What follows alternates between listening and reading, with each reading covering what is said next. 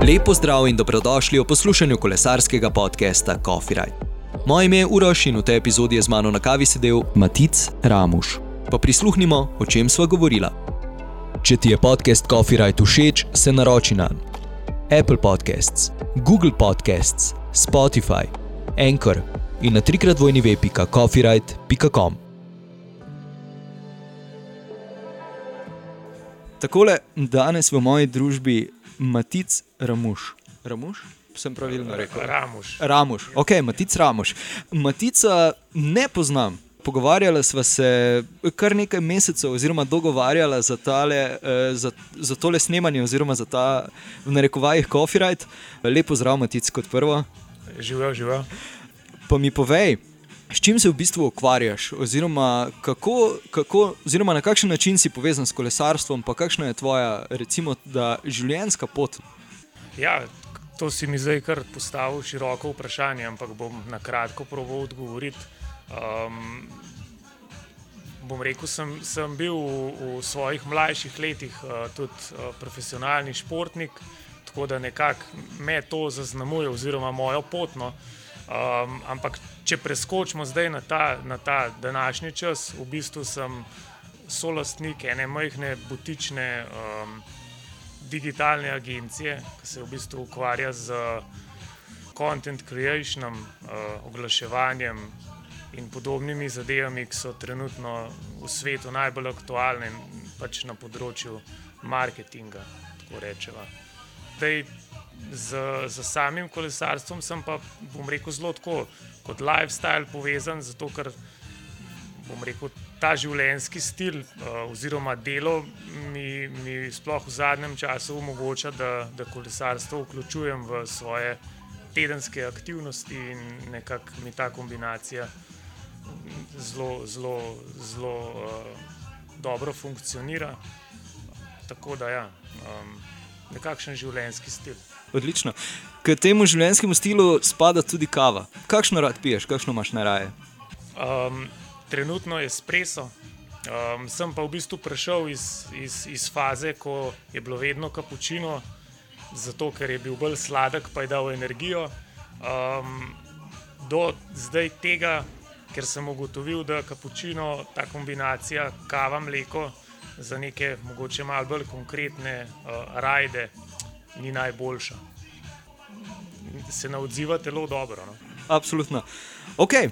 Sam si že v predstavitvi malenkost nakazal smer, v katero bo šla. Torej, ukvarjaš se z, z kontentom. In pa seveda si tudi, tega nisi omenil, ambasador eh, znamke Isadora Apparel. Pa kako se ti zdi, da, da se zdaj v bistvu kako v bistvu nastajajo uh, kolesarski brendi oziroma kolesarske znamke zdaj v času socialnih omrežij. Malenkost je lažje, kot je bilo pred leti, absolutno. Ne? Ja, definitivno, definitivno. Jaz vidim prelomnico, re, rečem, lahko rečemo tam po letu 2010, ko so te um, pre, majhni premium brendi, um, bi rekel, pre, prevzeli primat in so pač spravili ta kolesarstvo na, po mojem mnenju, precej višji nivo, ker so ponudili pač neko, nek lepši dizajn, neko, neko boljšo izkušnjo, seveda v povezavi z, z, z vsem tem socialnim omrežjem, kjer potem v bistvu se na, na nek način uh, človek, ki pač določeno, določen brend spremlja, ne, ne samo da želi. Uh, Zgledati enako kot, kot bom rekel, ta njihov fit, oziroma pač neki protagonisti na njihovem feedu, ampak dejansko uh, se potem kupuje ta komunity, ki raste v zadju teh, teh brendov. Ne. Tako da obstaja tukaj do deset takih brendov, ki se mi zdi, da kar krujijo um, to uh, moderno kolesarsko sceno. Ne. Bi rekel, da je bila Rafa začetnik vsega tega, ali je bil kdo pred njimi, zdi se, da so, da so oni nekako začrtali te smernice, ki so jih ostali povzeli, pa morda tudi nadgradili. Uh, ja, se strinjam s teboj, Rafa je definitivno pionir. Um, drugi so potem temu sledili in so mogoče zdaj sploh v zadnjih štirih, petih letih dodajali še neko mogoče, ma, mogoče malo bolj um, intimno, personalizirano zgodbo. In v tej točki se mi celo dozdeva, da, da je uh, Rafa mogoče zdaj začel pa zelo malo zgubljati v smislu tega, um, te, teh mehkih, uh, se pravi, navezanosti z praktično določeno skupino uh, followerjev oziroma konzumerjev, in se mi zdi, da mogoče je enostavno ratov že prevelik. Uh, Govoriva o Rafi, ja. ker je pač ogromen. Um, tako da mogoče bo je Rafa prišel ali pa bo malo prišel v, v neko situacijo, ko bo mogoče te svoje sledilce v smislu brendov začel pa on malo nazaj pač po, po, ponavljati, zato, ker, ker bo verjetno opazil, da, da mu malo zmanjkuje te povezanosti z, z, z komunitijem. Zdaj, omenila smo že, da si sam tudi ambasador. Kako pa v bistvu vpliva ambasadorstvo posredno ali pa neposredno uh, na prodajo. Je v bistvu to zelo vezano na, na, same, na same kolekcije, ki pač različno jih bre, brendi uh, lansirajo, ampak pretežno gre za jesensko, uh, zimsko, pa seveda pomladno, poletno kolekcijo in potem um, pač te brendi zelo, zelo tako um, usmerjeno pač pripravijo to strategijo, kako se bo pač to vse skupaj pripravilo. In tudi um, pač cilj vsega tega je, da se, da se zadeve res naredijo na visokem nivoju, in da potem tudi pri samem lansiranju je v bistvu um, ta um, učinek, ta boost na, na, na, na, na, follow, na followerje oziroma na komunity čim večji. Ne. Tako da ponavadi se izbirajo malo bolj take uh, premium lokacije in se proba pač narediti um, tako v zadju neko zgodbo, da ni zdaj to neka suhoparna zadeva, ampak se mi zdi, da v bistvu določeni te brendi, ki so praktično tukaj v, na vodilnih položajih, že kar malo tekmujejo, kdo bo še kaj uh, ponudil več. Zdaj pa seveda čisto odvisno, kakšna sama baza teh ambasadorjev je koliko so privlačni za, za followerje in tako naprej. Tako v bistvu kolesarstvo je nekako postalo lifestyle. Kako pa je, ja, kako je v bistvu se prebilo v to, da, da je postalo nek način življenja? Včasih je kolesarstvo samo po sebi, sploh cestno kolesarstvo, pomenilo pa, nek. Uh, zaprt krok ljudi, uh, ne vem sploh, kako bi se to zdaj opisal, ampak kot nekako, uh, bomo rekli, snoben šport. Uh, zdaj pa je to se zelo, zelo razširilo. No? Kako se je v bistvu to sploh uh, skozi leta recimo, prebilo do tega, da, da ljudje to ne jemljajo več uh, tako premium ali kakorkoli? Moje mnenje je, da imajo kot smo že rekli, ti uh, novo, novo nastali moderni brendi zelo velik vpliv, ampak če greva pa še bolj v, v, v drobovje, pa mislim, da se je največji preskok zgodil pri, pri, sami, pri samih oblačilih dejansko. Ker če se spomnimo 15 let nazaj, je, je bil kolesar nekdo, ki je bil pač dejansko v neki popisani gumici, uh, full nategnen, uh, in so ga tudi, ga je tudi družba nekako tako uh, sprejemala in ocenjevala, zdaj je pa v bistvu um, samo kolesarstvo preskočilo to, bom rekel, bariero športa in je šlo, recimo, če hočeva na nek način celo v, mod, v modne vode, sigurno do neke mere, je pa pač to ratal. Tudi za, za širši krok ljudi, malo bolj zanimiv, so mogoče izgubili ta, ta nek respekt, da je to samo za, za neke res uh, norce, oziroma fante, ki pač imajo fulenga časa, pa energije. Ampak je to postalo tako, da mislim, jaz poznam ogromno enih prijateljev, znancev, um, ki, ki, ki so se podali v ta šport, ki ga mogoče marsikdo niti ne gleda kot šport, ampak je aktivno za preživljanje prostega časa. To recimo 10-15 let ni bilo, ni bilo možno uh, doseči. Tako da imajo, dejansko imajo te, te, te brendi, no, o katerih smo govorili, pred, precejšen vpliv, začenši z Rafo. Ja. In potem ta influenca tega. Uh, Tega kolesarstva, tudi v, moramo vedeti, da pač več, večje države, večja mesta imajo, imajo pač tega zelo veliko, mi, mi nimamo tega primera, ampak recimo sploh severne, nizozemska, danska, to je praktično vse na kolesih. Ne, in, um, so, mislim, da ljudje kar nestrpno čakali, da, da jim bo nekdo ponudil nekaj res uh, le, lepa oblačila, oziroma uh, premium, modna oblačila, ki jih bojo pač uporabljali na kolesih. Ne. Nekakšna prednost teh butičnih brendov je predvsem tudi to, da nimajo fizičnih trgovin, oziroma zelo, malo, na zelo malo mestih. Vse skupaj je preseljeno na internet. Kako pa se je tukaj v bistvu eh, prilagodilo kupcu, ker vemo, eh, ljudje si radi preizkusijo, predvsem dres, eh, ki, ki je od znamke do znamke različen, seveda. V bistvu na zelo eleganten način so rekel, rešili to, to zagato praktično vsi brendi, o katerih govorijo, oziroma ki jih jaz eh, poznam, um, gredo zelo na, na, tukaj, na, na zelo, bom rekel, odprto v narekovajih. Se pravi, ti kot kupec um, naročiš, plačaš, potem pa lahko v 30. 45 dneh zadevo tudi vrn, vrneš nazaj, tisto, kar ti pač ne ustreza. Se pravi, ti naročiš um, določene bibse dveh velikosti, dve majice po dve velikosti, oni ti to pošljajo. Potem imaš pa, pa to periodo, da doma to uh, pač pred ogledalom vse poskusiš um, in dejansko tisto, kar jim potem pošleš nazaj, ti potem oni učtejejo od tvojega plačila. To je zelo, zelo na tak, meni se zdi to zelo eleganten način.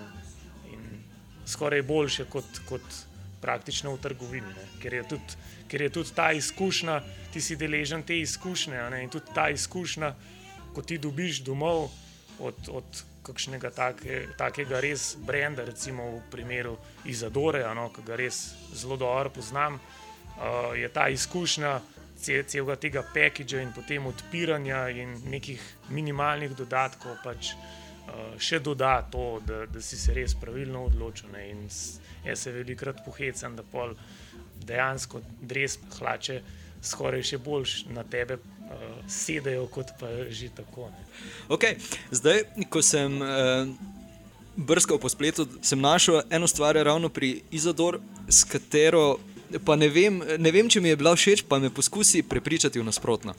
In sicer novost, da se lahko v bistvu v narekovajih izposodi dres, oziroma plačuje mesečni najem dresa, ki se ga kasneje vrne ne vem, morda je samo moja percepcija takšna, ampak eh, kaj pa vem, če bi, če bi eh, za kom drugim nosil dres ali kakorkoli. Ja, v bistvu to je, to je Izadore lansiral zdaj praktično pred mogoče 14 dni nazaj. Jaz na njih gledam tako kot eno zelo, zelo inovativno, majhno podjetje, ki se res, se res zna uh, zelo dobro prilagoditi in ima ogromno enih kreativnih rešitev in tudi ta je ena izmed teh. Ne. Zdaj, um, na prvo žogo je tudi mene to malo presenetilo, um, dokler se nisem malo bolj poglobil oziroma bil poučen, kako to deluje, um, ker sem tudi sam pač bolj pristaš tega. Um, kar je moje, je moje. Um, Točno ampak, to. ampak dejansko je tukaj v zadju pač to, da da za neko mesečno, za, neko, za nek mesečen znesek si lahko pač ti, v, v, mislim, da imajo razdeljeno, razdeljeno leto po periodah.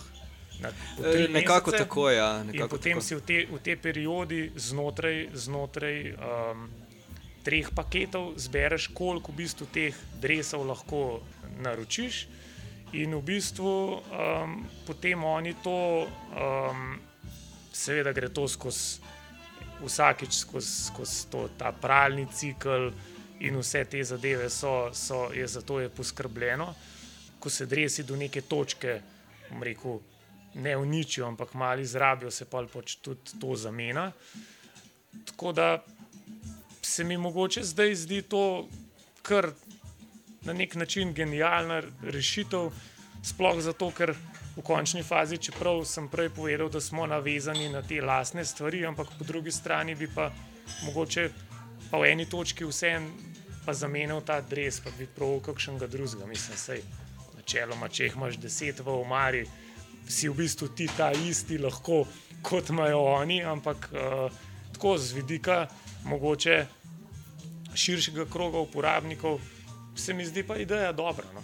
Se mi zdi, je dobra, ker ljudje smo različnih proporcev, nihče ni nikomor podoben zakaj pa ne bi pač probal, pa vidiš, um, ker tudi materiali ne, se, se razlikujejo. To, to je dejstvo. Ne, zdaj, ali po neki debelini, pač poletje, jesen, zima, to, to so pač debeline, oprijemi in mogoče skozi to pač.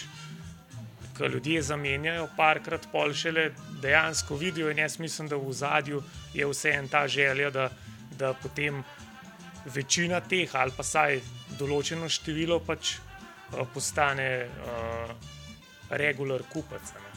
Ko sem postavil vprašanje, morda je tako zvenelo. Ampak ravno to, kot si rekel, da smo zelo navezani na neke stvari. Ne? Če si nekaj kupim, je potem to moje in to je to.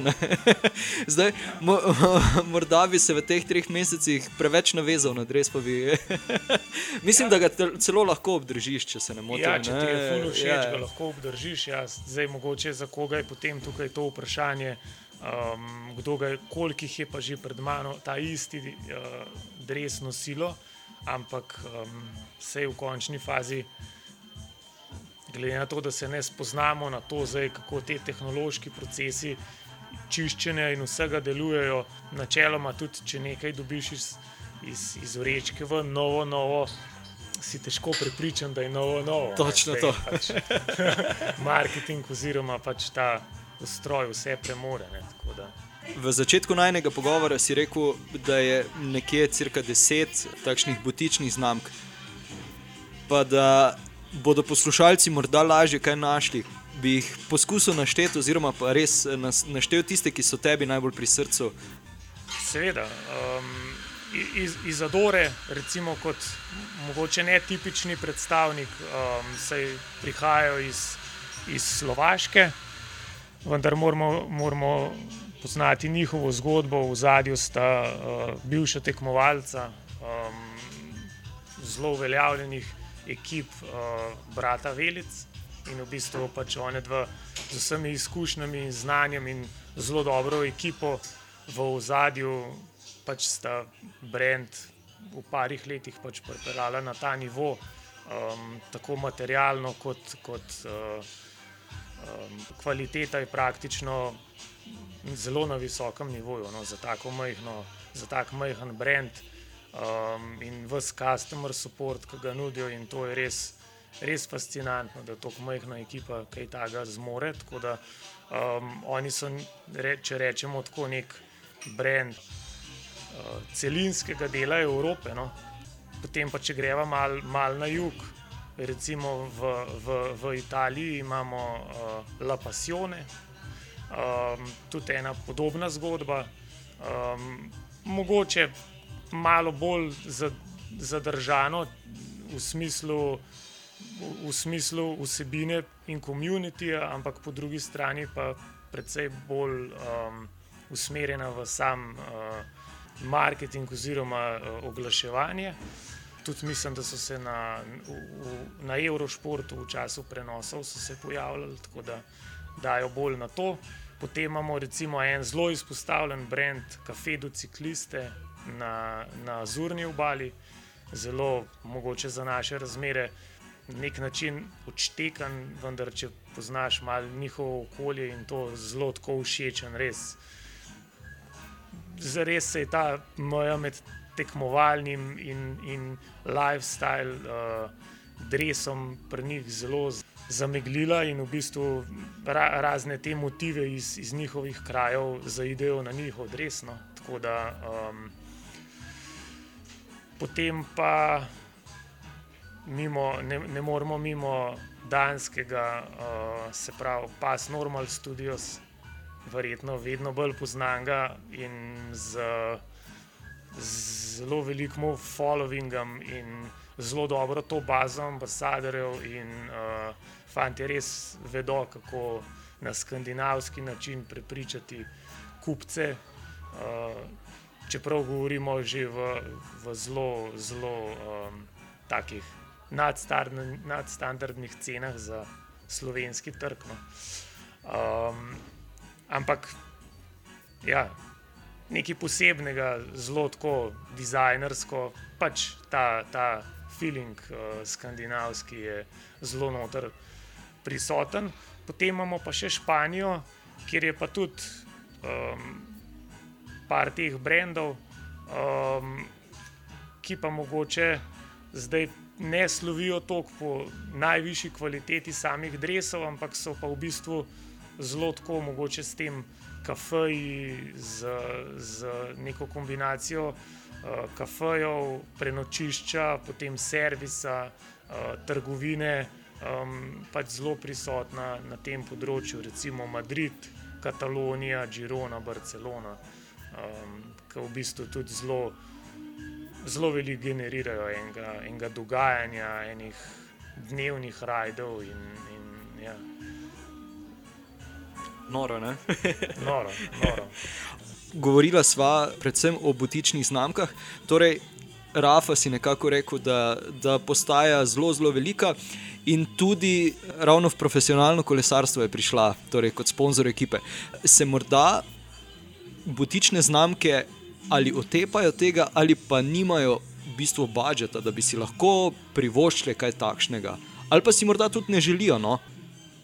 Moje mnenje je, da, da so se iz, iz uh, izkušenj Rafe ostale znamke nekaj naučile. Tudi um, ustanovitelj Rafe je po koncu sodelovanja z, z bivšim Skyom, zdajšnjim Ineosom, povedal, da se nekako iz tega oni načrtno umikajo, ne? zato ker v bistvu hočejo graditi bolj na tem vsakdanjem komunitiju in tem, kar v bistvu, če zdaj le Rafa pogledajo, kaj ono, oni komunicirajo, ne? da to kolesarstvo za vsakogar, vsak dan in podobno. Ne? Čeprav potem se je zelo hitro pokazalo, da nekje, ki si pač bil, ki si bil. Kot Rafa, recimo v Skaju, ki si pač take uh, uspehe skupaj dosegal, da se težko kar čez noč, bom rekel, umakneš. Tako da uh, vsi vemo, da pač zdaj education first dejansko uporablja, ampak so takrat, ko se je to ustanovil, mislim, da je zdaj to leto, dve, oziroma ko so šli v to sodelovanje, so v bistvu zelo tako skomunicirali, da je pa to nekaj drugačnega. Ne? In so v bistvu tudi zraven dal, um, bom rekel, zelo veliko enega. Uh, Content creation na nekih zgodbic v zadju, podcastov, videoblogov v ozadju tega Education First ekipe um, in so jo v bistvu tako zelo, zelo široko pokrili, ne samo na teh največjih dirkah, ampak tudi pri določenih.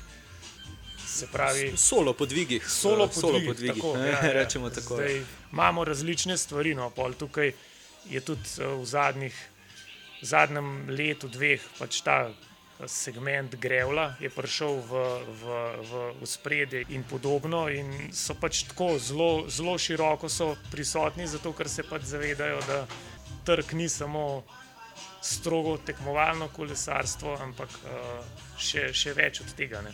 Zdaj, osta, ostali brendi, ti manjši, pa jaz mislim, da tako sem, sem dejal, no, da, se, da se, so se iz te, iz te izkušnje rafe nekaj naučili pa tudi tako mogoče, niti si ne bi želeli, plus seveda tudi uh, budžet je, je definitivno omejen, ne? Ker moramo vedeti, da zdaj kaj, kaj je svem.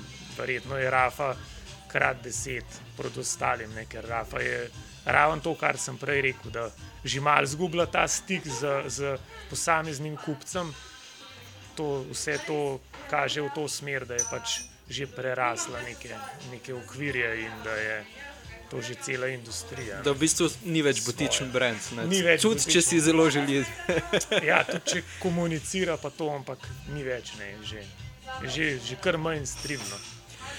Skoraj pri koncu sva, preden pa končava, pa seveda klasično vprašanje.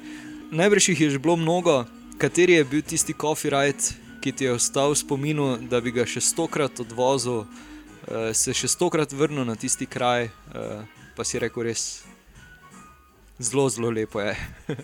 v, v bistvu si me postavil pred, pred zahtevno nalogo, ampak sem po krajšem premisleku izbral okolico Trsta, se pravi štart v, v, v samem mestu in potem ta lušten, lušten krok po tem delu do slovenske meje, se pravi do južno od Krasa in potem uh, taka lepa krožna tura z vračanjem uh, ob morju, kjer se bodi si lahko, ki je tam vmes, ustaviš na pravem italijanskem espresu. Zdaj, če se ti pa mogoče malo bolj mudi, pa potem uh, vračanje v, v sam trst in potem tam uh, končanje večera v, v parih uh, barčkih, dobrih hrani in seveda. Super. Odlična izbira države za kavo, pa za vse. Evo, tik preden da končava, še morda kakšno misel poslušalcem, kak na svet, karkoli pade na pamet. Uh, takole bom, bom poskušal biti za, za zaključek povsem iskren in uh, bom rekel, da vsaka investicija v kvalitetno kolesarsko opremo definitivno ni ni izgubljena, saj so, saj so materijali uh, pri teh res uh, premium brandih toliko boljši, da, da je enostavno, ko oblečeš nekaj, nekaj takega, na slabše nagreš. In tudi v očeh drugih kolesarjev je zelo lepo videti uh, dizajnersko usklajene soborce, če tako rečem da se mogoče probamo tudi v Sloveniji premakniti iz tega mindseta, da je vsaka, vsaka promocijska majica dobra za vse. Naj promocijske majice ostanejo za, za, za trening v fitnessu, uh, kolesarstvo je pa šport v, v, v naravi, na odprtem in uh, vseeno veliko šteje, da si usklajen in oblečen na mestu. S prijatelji smo se včasih šalili, pa smo rekli, nismo boljši, smo pa lepši. vse, to, vse to je v bistvu to je dejansko uh, point vsega, vsega, vsega tega um, kolesarskega movementa v, v, v ozadju, da, pač, uh, da je pač ta passion, happiness, pa, pa da se imaš v bistvu. Da se imaš v bistvu dobro, da uživaš. Zdaj, sej, pride vmes kakšno, kakšna, kakšna klančina ali pa kakšen večji, večji uh, prelaz, pa se pač tam pokaže, kdo je močnejši. Ampak uh, po eni uri se pa počasi morajo stvari zgladiti, pa uh, se vrniti v te usklajene smernice, da se, da se v bistvu. Na kolesu se pač mora, mora pogledati okrog, uživati v naravi in uh, dejansko imeti merilec hitrosti in ostalih podatkov, res samo zato, da, da potem uh, podoživljaš te trenutke, kasneje doma. To, kar si pa na kolesu, je pa treba um, uživati, raje reči kakšno besedo več. Pa, uh, mislim, da na ta način precej več ostane od vsakega rajda uh, posebej. Matic, hvala ti za ta pogovor. Prosim, prosim. Hvala za povabilo. Maticu še enkrat najlepša hvala, da si vzel čas za kavico in pogovor. Mi se ponovno slišimo prihodnji petek. Če ti je podcast Coffee Right všeč, se naroči na Apple Podcasts, Google Podcasts, Spotify, Anchor in na trikrat vojni web.coffeeright.com.